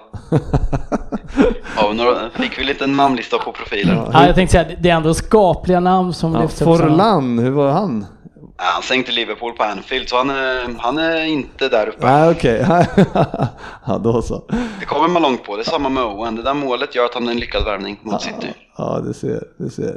Mm. Um, ja, vi ska ta, jag ska ta Johan Svensson undrar över eh, Liverpools luftslott här som börjar rämna. Och eh, ja, börjar det rämna Ryn? Nej, det gör det inte, men eh, över en hel säsong så har alla lag bättre och sämre perioder och eh, hade Liverpool fått önska så hade de säkert haft en dipp under hösten för att gå rent under våren som de gjorde under höstsäsongen här. Men Remna gör inte och det ser man ju, det var väl bara någon match sen gick ut och körde över Bournemouth med 4-0. Men ni verkar beroende av att få in första målet för att det ska släppa lite för Ja, vi är ett vägskäl här känner man ju, så att det kan ju gå uppåt igen som du säger, att det är ju ändå, eh, det är ju samma spelare, så att det borde ju inte liksom påverka, alltså borde ju kunna hitta tillbaks till Däremot så är jag menar, det kanske är spelare som är trötta. Vi har pratat om eh, United har mycket skador nu, blir tvingade jo, att rotera det. Vi har ju för fan haft två tio dagars läger för vi inte haft några matcher. Precis, men jag har, eh, tittar man på er offensiv så är det väl faktiskt så att eh, det är väl i princip varenda match den här säsongen så har det startats med Salah, Firmino, Firmino och Mané. Ja, typ. jag vet inte, de har ju fått vila så himla Men mycket. samtidigt så har det varit mycket vila. Men det, nej, jag tror, det, det rämnar inte ännu, men jag tror faktiskt inte att Liverpool behöver komma tillbaka snabbt om ni ska ge City en rejäl match över de sista 10-12 omgångarna. Ja, för någonting måste... Väl... Ja, ja säg.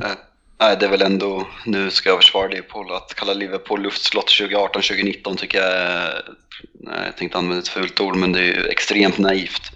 Liverpool har gjort en fantastisk säsong och eh, de är fortfarande stabila och liksom har majoriteten av eh, bollen och eh, är det laget som, liksom, som man känner efteråt ska vinna mot United på Old Trafford. Så att kalla Liverpool 2019 för ett luftslott tycker jag är direkt felaktigt. De har gjort en de har gjort en jättebra säsong. Det är ingen som kan säga något annat. Man kan inte säga luft, men, så är det Men kan vi enas om att det är lite kul att kalla dem för luftslott då?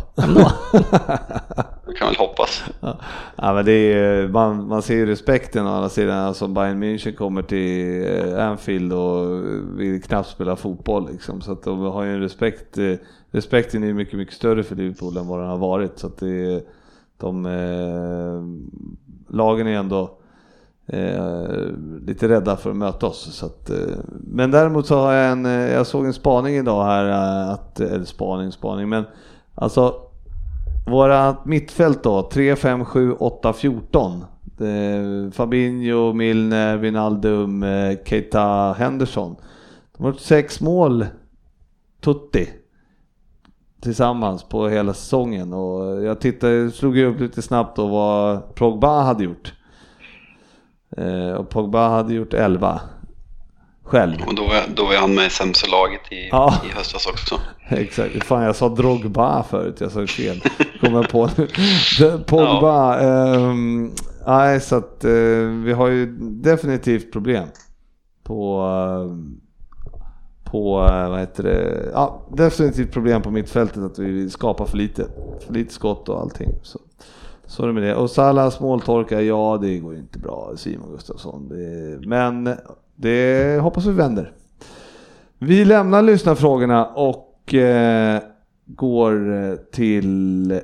Vem där? faktiskt?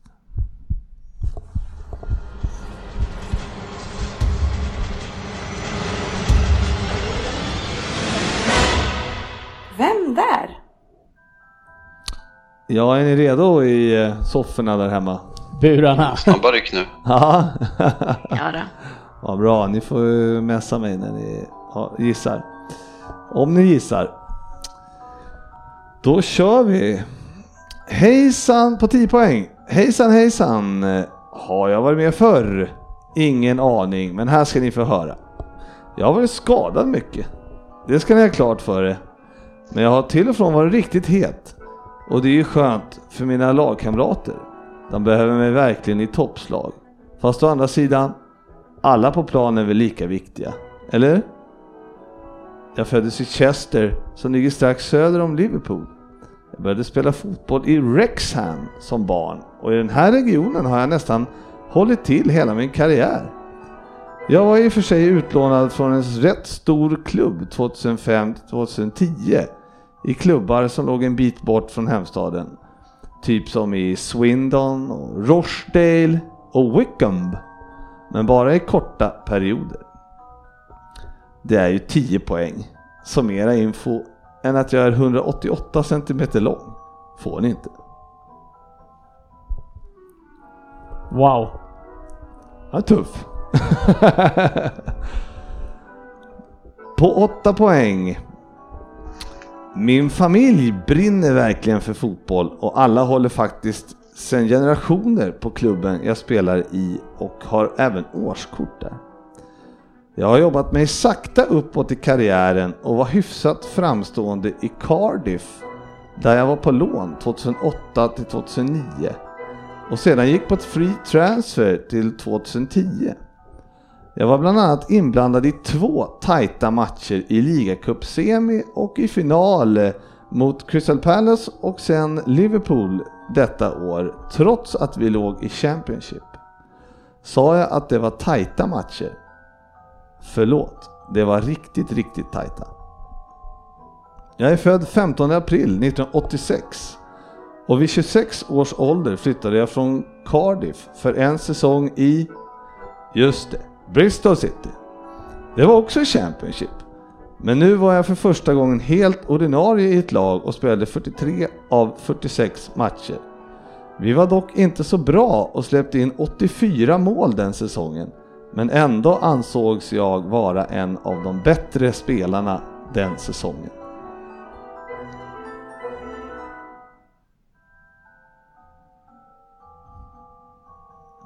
Mm.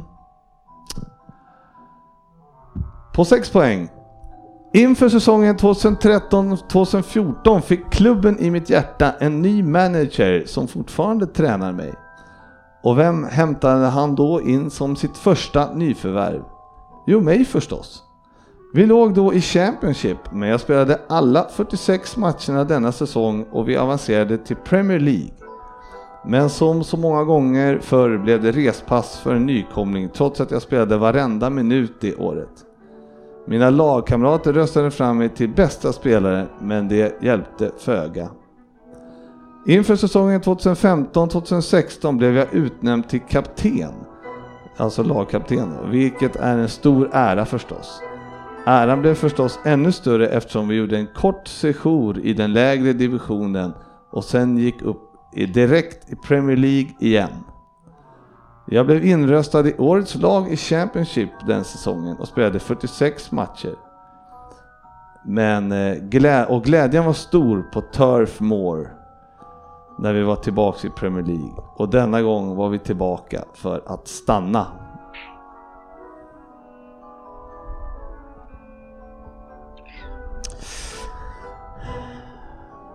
Ja du. Fan, gjorde den så svår ändå alltså. Helvete. Eh, på fyra poäng.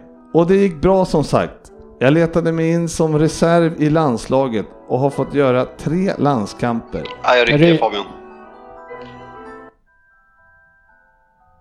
Jag först va? Ja. Vill du säga också då eller? Nej, jag väntar lite. Ja. Fast han, må- han har ju ryckt, då måste han säga på två. Ja, då ska jag på två. Ja, okej. Och i klubblaget rullade på. Jag har bland annat lyckats bli en riktig mardröm för Manchester United efter otaliga kanoninsatser mot mitt gamla gäng. Ja, det var inte rätt. för det var ju de jag lämnade 2010 efter noll A-lagsmatcher på åtta år. Jag hade ju aldrig platsat med tanke på vilka United haft på min position, så det var ett bra val. Förra säsongen blev tyvärr en stor besvikelse efter att jag drog axeln ur led, vilket ledde till operation och knappt något spel alls. Faktum är att jag precis hittat in i kassen igen och det roliga med det är att vi knappt förlorat en match sedan dess. Senast tvålade vi dit Spurs och för en månad sedan höll vi på att slå just United men fick nöja oss med 2-2 till slut. På två poäng. Vet ni nu inte vem den hete målvakten och lagkaptenen i Burnley är så är det ett hett tips att du är värd noll poäng denna gång. Vem är jag Fabian Jalkemo? Ja, Du är inte Tarkovsky i alla fall. Vem är jag Anders Ryd? Heaton. Tom Heaton ja. Som jag hade på sexan, men jag vågade inte. Och sen var Fabbe lite för snabb där. Ja, Riktigt lätt att ta på att han är 1,88 och född i regionerna vid Chester. Nej, jag, lätt. jag måste fråga, är han 1,88? Jag trodde han var lång. Jag har fått för mig det. Nej, nej, det är helt riktigt. Ja, nej, den var tuffare än jag trodde. Eh, Men eh, eh, ja, Tom Heaton var det i alla fall. Lite svårt när hälften försvinner också på grund av wifi. Jaha, okej. Skyll inte på mig. Det där får du ta med Sportis. Ja, Fabbe hörde tydligen. Nej, jag hörde inte. Jag försvann också ganska ofta. jaha. Ja, den, den var tuff. Ja, ja, ja, ja. Nu, nu är det som det är.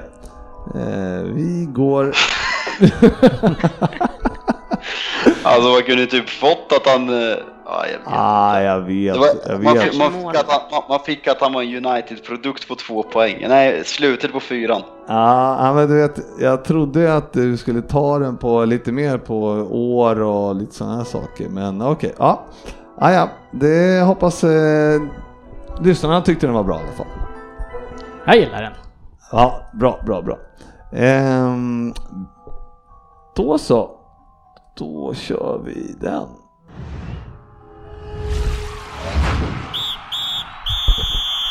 Veckans fokusmatch. Jajamän. Eh, Fabbe. Manchester United-Liverpool. Eh, vi behöver inte dra jättemycket snack om det. Vi har pratat om skadorna som hände, matchen i överlag. Eh, taktiskt bra, bra defensivt av United.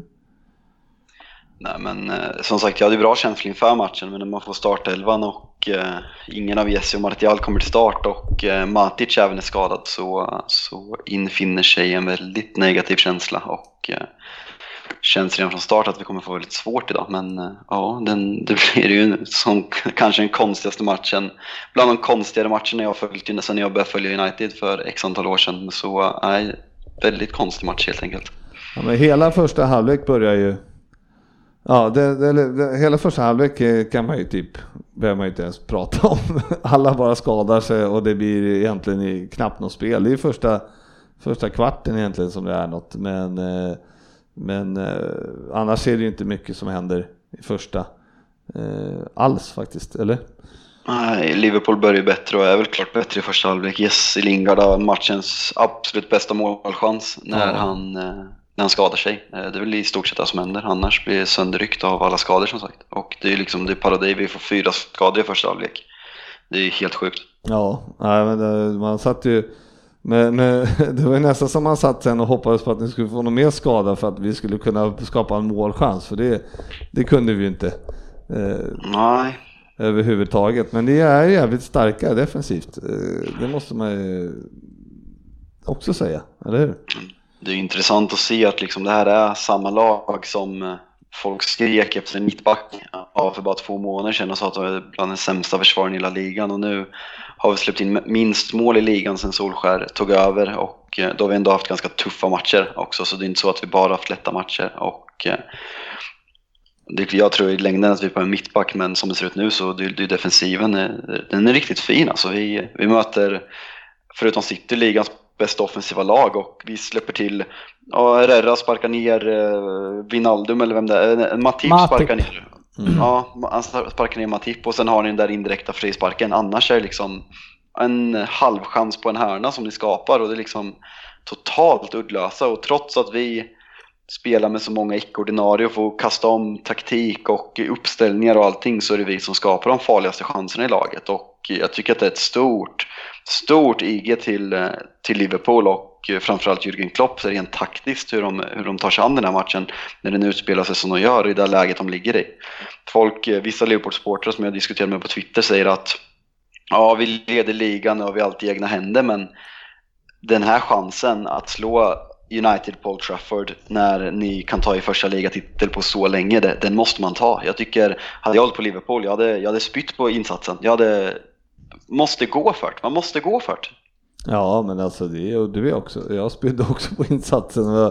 Men ja, det, det enda som är Enda positiva man kan ta med sig är att vi inte torskar på, mot United. Det är liksom att, ja, mm. det är det. Men eh, det är självklart skulle man ju vilja tvåla dit er, men som det ser ut i Alltså, det är, alltså vi kan ju inte ens passa, alltså passningsspelet är uselt och mm.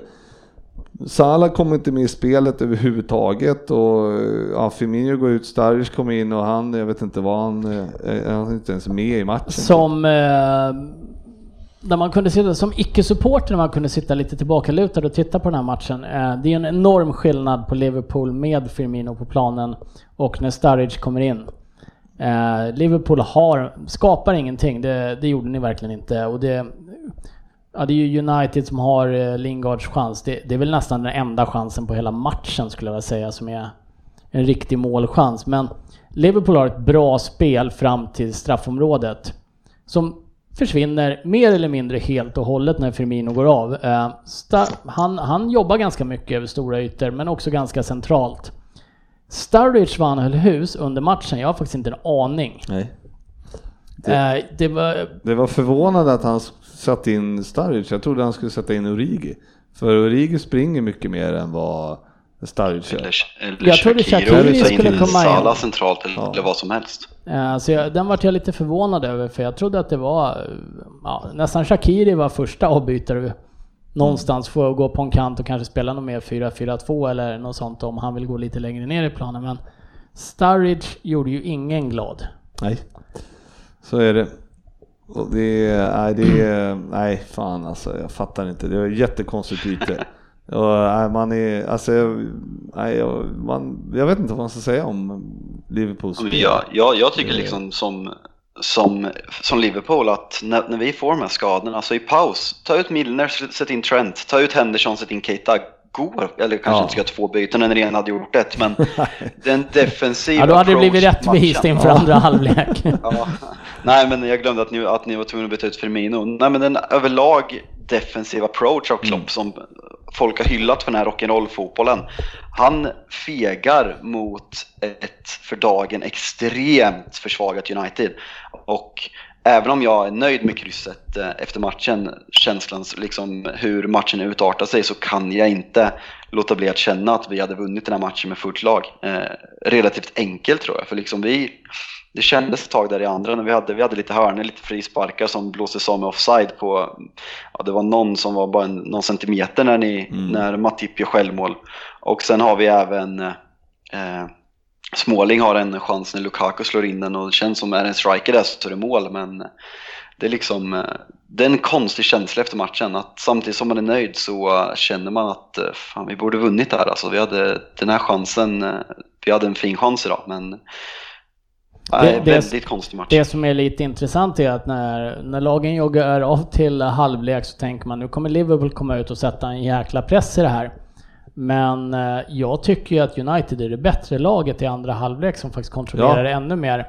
Så Liverpool tog nästan ett steg Absolut. tillbaka inför andra halvlek och frågan är om det var någon så här Fan, de har, de har, fått byta ut tre spelare, alltså det som smyger i sig in lite omedvetet att de har fått byta ut tre spelare nu. Det här, det här löser sig. Men eh, andra halvlek är ju United det bättre lag och just de här frisparkarna, jag tror att det är tre eller fyra som blir Ja. avblåsta för offside på exakt samma läge. Det är jävligt vågat av Liverpool att inte falla en enda gång på dem. Ja, det är ju disciplinerat om inte annat. Ja, jo, men det, det är ju inte mycket så, som, eh, som stoppar från att inte är offside. De är ju fria fyra. Det var någon där, den var offside, precis som de övriga. Men de är ju fyra mot noll där. Nu var det inte den som Matip stötte in i egen kasse där, men Nej men det är, ja, nej det är vågat men framförallt så skapar ni ju också lite, alltså det, på något sätt, jag vet inte hur det går till men eh, ja, det, det ser farligare ut hela tiden när United kommer fram i andra halvlek eh, Ja. definitivt så Och det är liksom att då spelar vi med ja, 10,5 spelare för Rashford är ju han kan ju inte springa han, det, typ. det, det syns ju, han går ju på halvfart. Ja. Det är liksom, han spelar för att han måste, för att vi inte ska spara en man mindre, annars hade han bytt för länge sedan. Ja. Så det gör det ju ännu, det gör insatsen ännu värre av visst, visst var det han som ska, egentligen skadade sig först av alla spelarna också Ja. va? Det var, det var tidigt in i matchen han man ville såg att han gjorde byta redan när, eh, Ja. När de tog av Herrera. Ja, så, Att Henderson inte får en varning i den här matchen är helt otroligt och han gnäller på varenda domslut. När han, när, när han sparkar ner någon för femte gången och inte får en varning så gnäller han ändå på att det blir frispark. Det är, liksom, det är parodi. Den där tacklingen på Rashford är liksom, det är varning. Och sen fortsätter han bara. Och nej, dåligt. Som, ja, Jag kommer faktiskt inte ihåg duellen ens med... vidrig människa. ja, jo, nej, han, är, han är inte, han är väldigt grinig på matcherna, alltid sådär. Men eh, ja, det, nej fy fan, vi kan vi inte bara skita i den här matchen? Och vi lämnar den. Ja, det bestämmer ju jag. Era, era, era, era fans eh, höll på och eh, sjöng sånger under eh, hedringsminuten för vår gamla hjälptränare också. Jag Fint hörde classy. det. Men det är, jag, jag tänkte skriva det på Facebook också, att det är väl ingenting som är classy på varken Liverpool eller United-supportrarna när de, här la- lagen möts. Brukar det inte vara på bortaplan. Ja, men. Men det är inte bra för det. Det ska ju inte hända. Så är det. Ehm, bra, vi eh, kör igenom lite resultat här lite snabbt bara. Eh, från helgen då. West Ham eh, slog Fulham med 3-1. Eh, Fulham med ett kanonförsvar som vanligt. Eh, Cardiff. Hans Chicarito gjorde Ja, just 1-1 med en eh, Maradona. Maradona-hands. Ja, det var Förändra intressant. matchen helt. Ja, det var intressant. Det ja, det är riktigt... Det är dåligt det med. Alltså, men eh, ja. VAR kommer ändra det där till nästa säsong. Så är det. Cardiff eh, torskade stort. Eh, Watford vann med 1-5 och Delefeuille hattrick va? Ja. Burnley Tottenham 2-1. Ja, den kan vi gå vidare ifrån. Det var en eh, riktigt eh, dålig insats av Tottenham. Snyggt 2-1 mål av Burnley.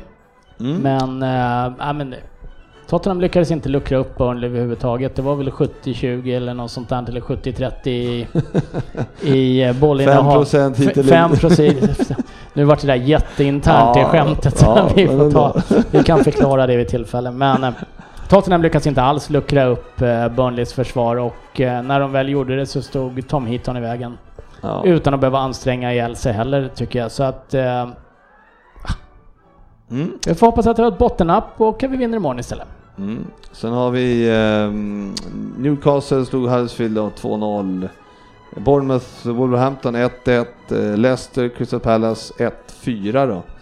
Och sen Arsenal och Southampton 2-0 eh, förutom United Liverpool 0-0 då. Ehm, ja, det gjorde att Arsenal ligger fyra just för Ja. tillfället. Mm. Så, sen är det matcher som pågår nu och matcher imorgon och där är väl intressantast det är, det är ju då Chelsea-Tottenham imorgon. Ja, men det blir en spännande match. Eh, Ja. eh, kommer med Burnley. Det, det gjorde ingenting att Hazard och några till spelade 120 häromdagen. Så kan jag säga. Jag kommer ju naturligtvis säga att om Tottenham förlorar så berodde det på att de var uppe i matchtempo. Ja, exakt. Jag ser bra ursäkter. Jag säger så här att om Tottenham förlorar imorgon så är de inblandade i topp 4 eller eh, Champions League-racet på riktigt. Ja, det beror ju väldigt mycket på hur det går de andra matcherna. Arsenal och Bournemouth hemma, så det... Det kan de Ja. torska. Ja. Ja. Och ni har Med Crystal- 4-0 till exempel. Ja, det är inte Det kan hända. Det, det händer.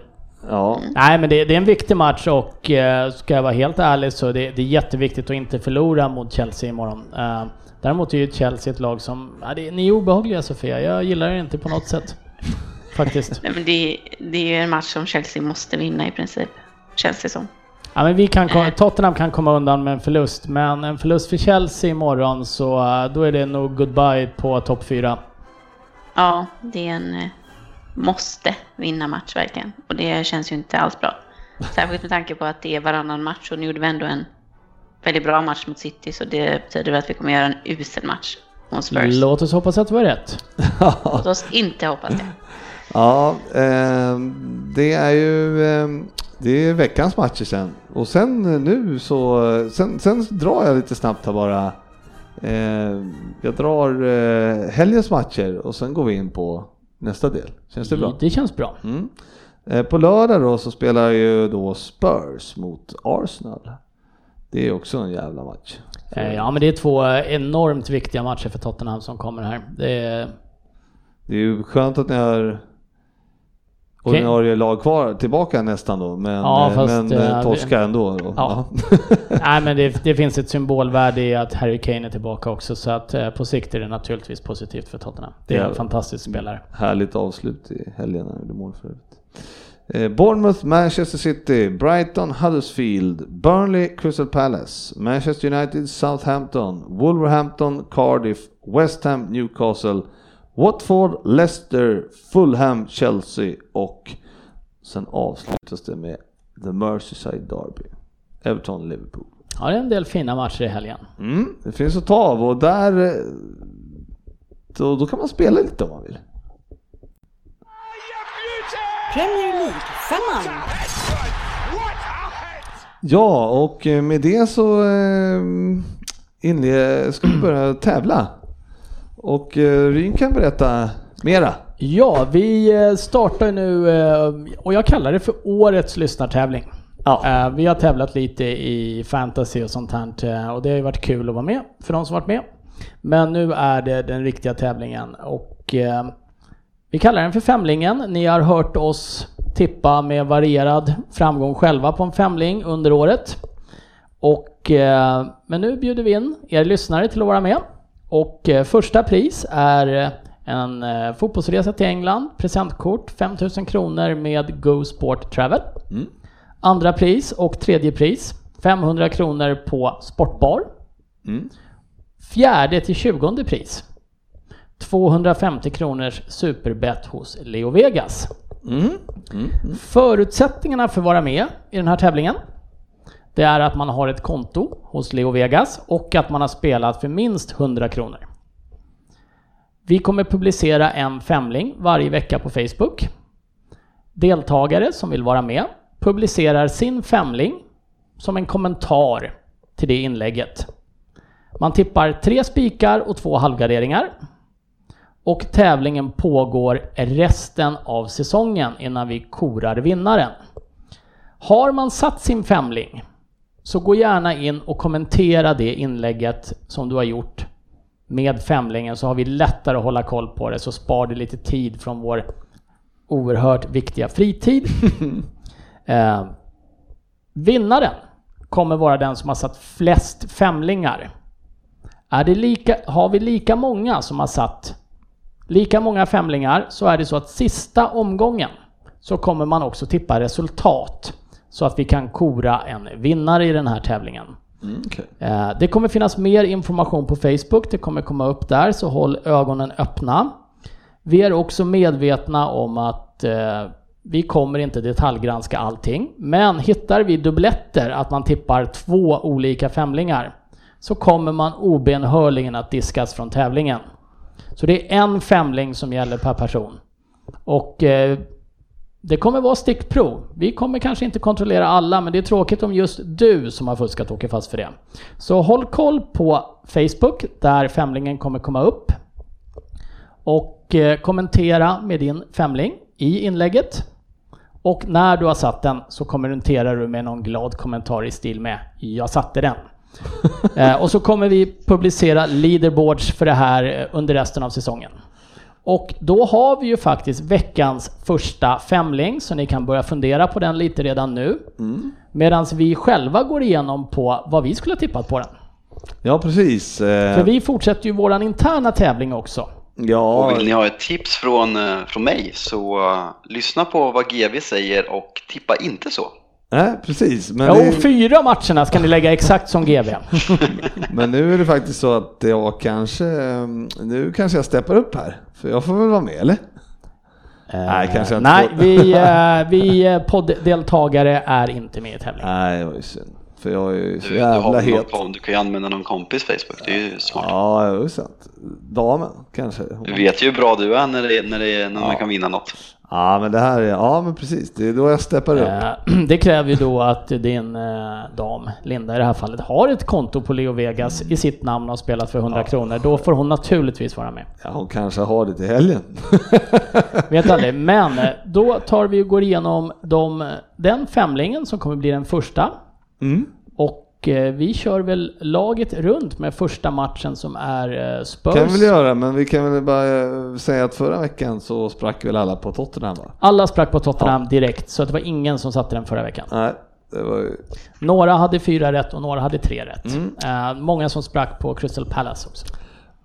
Ja, så var det kanske. Och jag sprack på United Liverpool också. Så jag kan inte ha haft många rätt. Nej, du var faktiskt den enda som sprack på den matchen. Eh, Ja, men eh, det kan vi lämna därhän. Ja, kör. Veckans första match, som även är första matchen på lyssnartävlingen, det är då Spurs Arsenal. Och vi låter damerna börja kanske. Sofia? Jag har en etta, tvåa. Och Fredrik? Ja, det är en etta där. Ja, Jag skriver under på den, den etta. Och jag själv tror på mitt lag, så jag har också en spiketta på den. Match två är Burnley Crystal Palace. Och då börjar vi med GV. Mm, där, det är en svår match. Där är det däremot en etta tvåa. Jag skriver under på den också. Vad fan. Och jag har ett ett kryss på den. Och Sofia? Eh, Jag tror på Crystal Palace, jag har en tvåa. Spännande. Match nummer tre, West Ham Newcastle. Och då kan jag börja och ha en spik etta på, New, äh, på West Ham. Jaha, okej. Frippe? Ja, jag tar en eh, ett kryss. Newcastle är stekheta, 2-0 i paus mot Burnley nu, men jag, eh, i brist på garderingar så har jag en säker etta jag med. Och Jag har Sofia? också en etta. Fan, Newcastle är heta alltså. Och sen, Ja, så sen fortsätter vi med Watford Newcastle. Watford Fabbe? Leicester. Får läsa. Ja, förlåt. Jag skriver, jag, fan. Newcastle spelar alla matcher i mitt schema här. De kommer ha en hektisk lördag, därför jag tror på dem. Watford Leicester, förlåt mig. Fabbe? Ett kryss. Sofia? Ett, två. Så kan det ju bli en liten Brennan Rogers-effekt där. Jag tippade innan han varit klar, men ja, jag står fast vid det. Mm, och jag har en tvåa i den. Jag tror på Leicester. Oh, nej, nej, nej, nej. Det är så Watford vinner här. Då Säker etta. Och sen så har vi som avslutningsmatch på femlingen Merseyside-derbyt. Everton-Liverpool. Fortsätter att alltid tippa på Liverpool. Tvåa. Win-win. Ja, en tvåa där med. Frippe? Nej, jag är också tvåa där. Ja, du har ju inga garderingar kvar, Nej. så jag tänkte, ska han våga singelkryssa den? Eh, och jag har ju sparat en gardering för den och har ett kryss 2 på den. Ja, det är inte omöjligt med krysset där heller. Och eh, det här är den femlingen som även gäller i tävlingen. Håll utkik på Facebook, vi kommer publicera reglerna och förutsättningarna även där. Och vi eh, hoppas att ni vill vara med och tävla. Ja, in och skriv bara. Och, nej, det blir jävligt roligt. Se om någon kan eh, slå mina två jag har klarat på hela säsongen. Eller har Ja, jag tre? det, du, har, du har klarat två tror jag, Ja. två femlingar hittills. Så det vågar jag sticka ut hakan och säga att det vinner man inte resan till England på. Nej, Okej, okej. Nej, fy fan, jag är usel. Men eh, in och tävla. Har ni inte ett konto hos Leo Vegas, skaffa ett, spela för minst 100 kronor och var med och eh, tävla om de här priserna. Jättebra. Då tackar vi för idag. Bra kämpat. Eh, Jag ber om ursäkt eh, Sofia för wifi där som förstörde din vem där då, men du hade säkert tagit den annars. Ja, på tio eller något. Ja, 188 centimeter från Chester och varit utlånad i Rochdale. Absolut. Ja, det, Rochdale är ju dock väldigt nära Manchester så kanske jag hade kunnat ha tagit honom. ja, ja, jag tänkte, fan, jag tänkte att jag, jag hade för höga tankar om dig Fabbe. Eller så hade jag, ja, jag vet inte. Det tror jag inte du hade. Nej, det, vi, vi säger väl det. Eh, tack för idag och eh, ha en eh, trevlig vecka. Vi ses på sociala medier.